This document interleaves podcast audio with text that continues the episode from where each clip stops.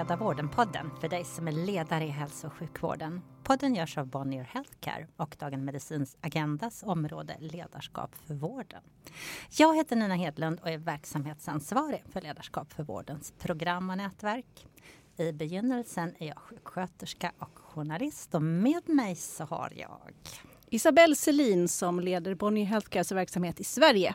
I botten är jag specialistläkare i geriatrik. Ekonomisk stress och stor personalrörlighet, uppgiftsväxling. Ja, det är mycket som händer i vården nu och kanske mer än någonsin så kan både medarbetare och chefer vara rädda för att göra fel. Ni vet den där ångesten, att patienter blir skadade av något misstag man gör och därmed får man ju själv en egen skadad professionell identitet som kan vara hemskt och skämmigt. Det här avsnittet av Leda vården-podden handlar om att som chef härbärgera sin egen och andras rädsla och ångest. Att bygga en kultur där det är okej okay att prata om rädslor för att förebygga misstag. Dagens gäst i Leda vården-studion är Carolina Samuelsson. Sedan 2019 sjukhuschef i Region Halland som har sjukhus i Halmstad, Kungsbacka och Varberg. Hon tog läkarexamen 2000 och disputerade 2008 i Uppsala och har därefter mest jobbat växelvis i Skåne och Halland, men även i Australien. I Skåne var hon verksamhetschef på Skånes universitetssjukhus. Carolina är född i Laholm och blev läkare för att kunna kombinera passionen för naturvetenskap med möjligheten att jobba med och för andra människor. När hon ska beskriva sig själv med tre ord säger hon engagerad, orädd och nyfiken. Välkommen Carolina, vad kul att du är här och har kommit till oss från Halland. Hur mår du idag? Jag mår jättebra, tack. Kul att vara här. Ja. Nu tänker jag att vi går rakt på pudelns kärna, det ämne vi ska prata om idag som handlar om rädsla och ångest som i alla fall jag har känt mycket när jag jobbade själv inom vården för länge sedan. Jag tänker, kan inte du börja med att berätta någon gång när du själv, när du inte var chef, har varit som mest rädd för att göra fel? Mm. Jag tänker lite Eh, jag, jag beskrev mig själv som orädd, men man kan både vara orädd och eh, ångestdriven. Och jag, som, I jobbet som narkosläkare så tror jag egentligen inte att jag varit jätterädd för att göra fel. Kanske möjligtvis i början att det var så. Eh, för har jag varit på gränsen till att börja bli rädd så har jag ofta försökt eh, eh ge mig själv rådrum, läsa på, ringa en kollega, prata ihop mig med teamet eh, på OP-salen eller vid IVA-sängen för att det ska gå åt rätt håll. Däremot så har jag många gånger blivit jätterädd när det håller på att gå fel. Eller när jag har gjort fel. Och eh, jag tror att ett av de värsta exemplen jag kan komma ihåg det var när jag eh, av misstag gav en tio gånger för hög dos av ett eh, blodtryckshöjande läkemedel till en mycket sjuk patient under en operation. Det utsatte henne för livsfara hade kunnat orsaka en stor hjärnblödning eller total kollaps i cirkulationssystemet. Och hur det känns? Ja, när jag insåg vad som hade hänt så blev jag ju paralyserad av rädsla. Ni vet så här, kortslutning i hjärnan, torr i munnen, benen känns som bly. Mm.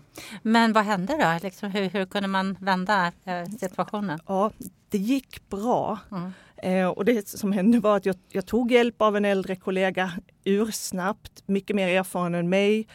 Men framförallt så hjälpte hon mig att snappa ut ur situationen och börja tänka. Och vi informerade teamet på salen, vi behövde sluta operera och sen trixade vi som man gör med olika cocktails av blodtryckssänkande läkemedel för att eh, få systemet i balans igen. Men de, de som var, de, den som var chef för dig då och de omkring dig? Hur, liksom, hur reagerade alla och vad, vad, hur kunde man snacka om det här efteråt då? För det måste ju varit superobehagligt för mm. dig. Det här, det här, var ganska tidigt eh, under min karriär och lite det här kunnat hantera eh, det, det, som, det som hade hänt. Eh, det, det här håntade mig flera nätter efteråt och jag var oerhört angelägen om att göra det man skulle göra, skriva en avvikelse, försöka förklara vad var upprinnelsen till att det här hade kunnat hända. Sen, sen eh, var det också jag kommer ihåg att jag blev ganska besviken på hur det här sen hanterades av ja, chefer och ledare för det fanns ett... Eh, man ville dölja att det hade, att det hade hänt. Och jag mm. tror, eller jag vet väl egentligen att delvis av omsorg för mig, för det var ett oerhört allvarligt fel som hade kunnat få förödande konsekvenser. Men jag kommer också ihåg hur besviken jag var då på att systemet, eh, för jag vet ju, och det vet jag ju nu, jag har jobbat länge i den här branschen, den som inte har gjort eh, fel eller misstag, den har inte jobbat i den typen av verksamhet som det är att bedriva vård. Och när vi låtsas som att de felen inte begås och inte vågar prata om den, eh, då skapar vi inte den här känslan av att kunna förebygga. Men hur lång tid tog det för dig liksom att komma över det där? För jag kan tänka mig att du måste ha varit liksom suttit i ett bra tag. Ja, men det, det alltså, som jag säger, det, det här hände väldigt, väldigt länge sedan. Ja, och, det är kvar hos, och det är kvar hos mig nu. Så att jag menar, och jag tänker på det ofta, jag tänker på det ofta när, bör, när vi, man pratar om att göra fel i vården och, och värdet av att våga prata och då, men också ta hand om medarbetare. Där det, alltså jag har ju varit i den situationen där jag har varit ledare eller chef över verksamheter där liknande fel har begåtts. Jag tror att det här kollegiala stödet och också eh, icke-skuldbeläggandet är, är jätteviktigt. För man skuldbelägger sig själv så oerhört. Mm.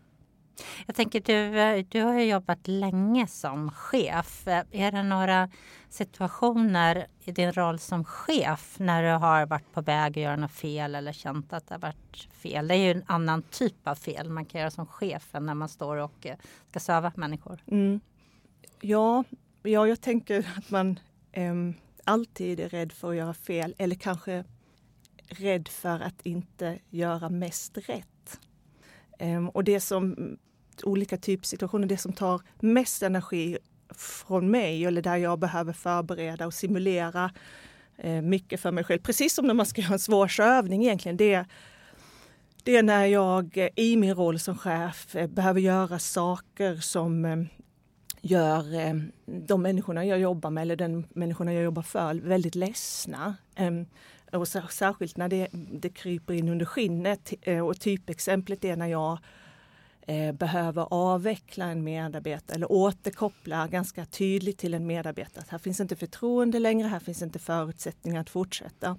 Och eh, då, då, då, är det så mycket i den processen som kan gå fel eller som, som inte kan bli helt rätt. Men man vill ju att både medarbetaren som kan vara en chef eller en medarbetare och jag ska gå därifrån med, med någon form av upprätthållen värdi, eh, värdighet och känsla för att utfallet av processen är, är vi inte jättenöjda med bägge två, men processen var bra. Det där är något som alla chefer tycker är bland det svåraste. Att ge negativ återkoppling eller behöva säga upp eller avskeda en, en person. Men jag gissar att du har gjort det här många gånger eftersom du har jobbat länge som chef. Vad, vad tycker du liksom att du har lärt dig av alla de gångerna? Vad är det som du tycker är viktigast? Mm, ja, men jag tror att, att förbereda sig ordentligt och också eh, ganska tidigt i processen identifiera sidekick sidekicks men av naturliga skäl så kan inte de sidekickarna vara hur många som helst. För här behöver man behöver liksom tänka på saker och ting som konfidentialitet och integritet. Jag eh, har en, liksom nästan en, en, en, en checklista på, på saker som man behöver tänka igenom. Eh, ofta finns det komponenter av eh, arbetsrätt och den typen av faktorer. Det, det sitter inte i min ryggmärg. Så att bara att gå igenom vad det är, jobba med worst case scenarios. Ofta, eh, inte, inte helt sällan så tränar jag också på den typen av samtal. Alltså det vill säga sätter mig i rummet, simulerar. Okej, okay, om den, jag får den här reaktionen, vad säger jag, eh, vad säger jag då? Du har ju, du har ju många liksom led och chefer under dig. och Du har en organisation som är spridd på olika orter och så. Men, men när du märker att eh, liksom, det finns den här liksom rädslan och ångesten antingen hos liksom chefer under dig, chefsledarna eller liksom, liksom, om du märker det till och med i medarbetarledet. Hur tänker du då att du som är liksom högsta chef för sjukhusen ska... Vad kan du göra för att och, eh, skapa en kultur där det liksom man kan inte göra så som det var när du gjorde ett fel, att man försöker dölja det utan att kunna liksom vara öppen och snacka om saker. Men det, det handlar om att, eh, att, att försöka vara ett, ett, ett föregå med exempel. Att dels att våga prata om sina egna tillkortakommanden, också våga se eller se tillbaka på saker och ting som, som jag har gjort eller som jag tillsammans med min ledningsgrupp har gjort och reflektera. Eh, vad var det som hände nu och vad fick det för utfall? Och vad, om vi hade fått göra om det här, vad, vad hade vi gjort annorlunda istället? Och det, det där, det här, hela tiden reflektera eh, i, i arbetet och det är ju likt det, det, vill vi ju göra på alla nivåer i organisationen. Men det kräver tid och det kräver också mod att våga ta sig eh, den tiden. För ibland när det varit obehagligt eller inte blivit som man ville, då eh, finns det en tendens att bara, okej, okay, move on. Mm. Men om du ska prata med de chefer som är närmast under dig i, i leden och prata om de här och du vill att de ska vara goda föredömen. Vad, vad är det för konkreta saker som du kan ge vidare, bring on, liksom i organisationen tycker du? Men det jag tänker att det är den här, det är den här balansen. Alltså vi, vi, vi vill ju vara fakta, alltså vi är en kunskapsorganisation, vi vill vara faktabaserade. Eh, men jag tror att vi behöver påminna oss om ibland att eh, vi är människor eh, eh i, i systemet och människor är till skillnad från maskiner oerhört mycket mer eh, drivna av känslor, även om vi är också ganska duktiga på att försöka rationalisera, alltså klä de känslorna i, i rationalitet. Men att hitta vad är det för känslor egentligen som ligger till grund för olika beteenden eller inte. Har, har du märkt någon skillnad över tid eh, under tiden du har jobbat i hälso och sjukvården? Uh, hur människor är benägna att vara sårbara och prata om, mm. om rädslor. Hur, ja. hur, hur, hur, märker du det? Nej, men jag har absolut, absolut märkt en skillnad. Det, för, för det pratas mer um, om känslor. Jag menar, Eh, jag vet, ja, men bara det här att eh, Dels i, i, strukturellt hur vi jobbar, att, det, att har någonting hänt så ligger det liksom på checklista hos chef eller kollegor. Det finns ofta på många ställen där man har liksom debriefing eh, grupper så att man, man följer upp och fångar upp.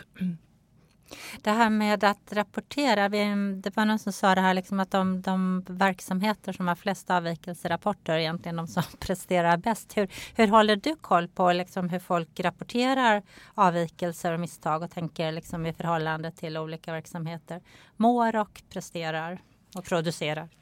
Um, och jag, patientsäkerheten jag, såklart. Jag, jag, tror, mm. jag, tror att det på ett sätt är rätt de som um, eh, vågar skriva eller skriver avvikelser, är, hög, eh, är högpresterande.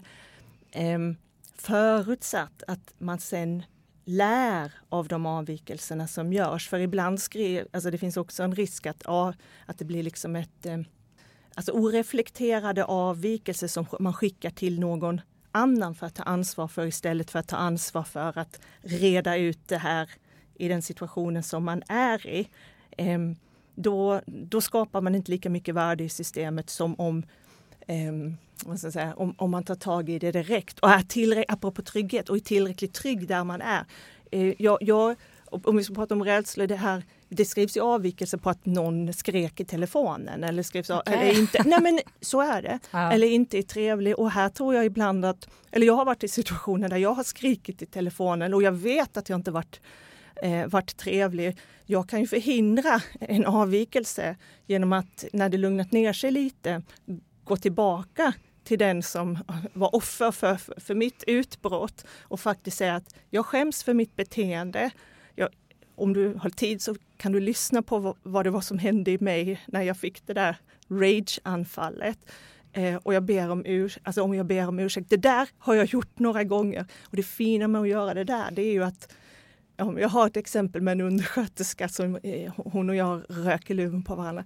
Sen efter det lilla samtalet en, en sen fredagkväll i en trappa eh, på en OP-avdelning. Sen var vi ju liksom, vi hade någonting hon och jag för att vi hade ju, vi hade verkligen haft ett bra samtal där i trappan. Så, så, och, och vi hade sparat en avvikelse och vi hade gjort en ännu bättre åtgärdsplan än vad någon chef någonsin hade, hade kunnat eh, fixa. Så det handlar ju men som sagt, då måste du också våga eh, ta ansvar för att reparera eh, eventuella glitchar i trygghetssystemet som du jobbar i. Vi pratar ju om rädsla nu. Och du, du har lite tankar om liksom det bra och det dåliga med rädsla, eller hur? Mm, ja, men jag tänker att rädsla, det har ju evolutionen gett oss och det, som i en akut situation så är det bra. För det skärper våra sinnen, det gör oss mer omsorgsfulla och alerta. Men rädsla eh, utifrån, alltså synonymt med otrygghet, att gå omkring och vara rädd under lång tid, eh, det är ju fruktansvärt eh, destruktivt.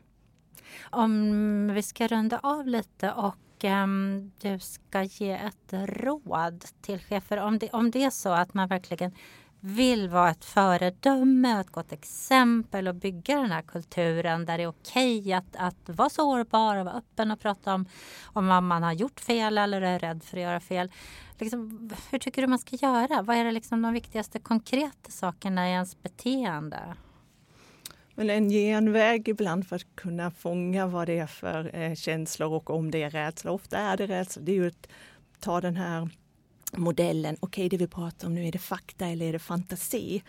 Och är det inte fakta, då är det fantasi. Och vad, vad, är, vad, är, vad ligger bakom den fantasin? Och då kommer det ofta eh, fram eh, emotioner. Mm. Och det som man kan prata med varandra menar du, ja. i organisationen? Mm. Ja, men eh, Carolina, vad vill du mer säga som du tycker är viktigt om detta? Att det inte är farligt eh, att vara rädd. Mm, det är bra, så får det sluta. Det är inte farligt att vara rädd. Tack Carolina. Nästa månad då blir det spännande. Då får ni träffa Stella Cisinski som är överläkare i kardiologi och Eh, hon jobbar på hjärt och lungkliniken i Örebro. Men Stella hon är jättearg på förpappring och byråkrati och alla dumheter som sköljs över hälso och sjukvården. Så att nästa avsnitt ska handla om hur du ska sluta göra dumheter med Stella Sysinski. Det blir jättekul. Lyssna på det.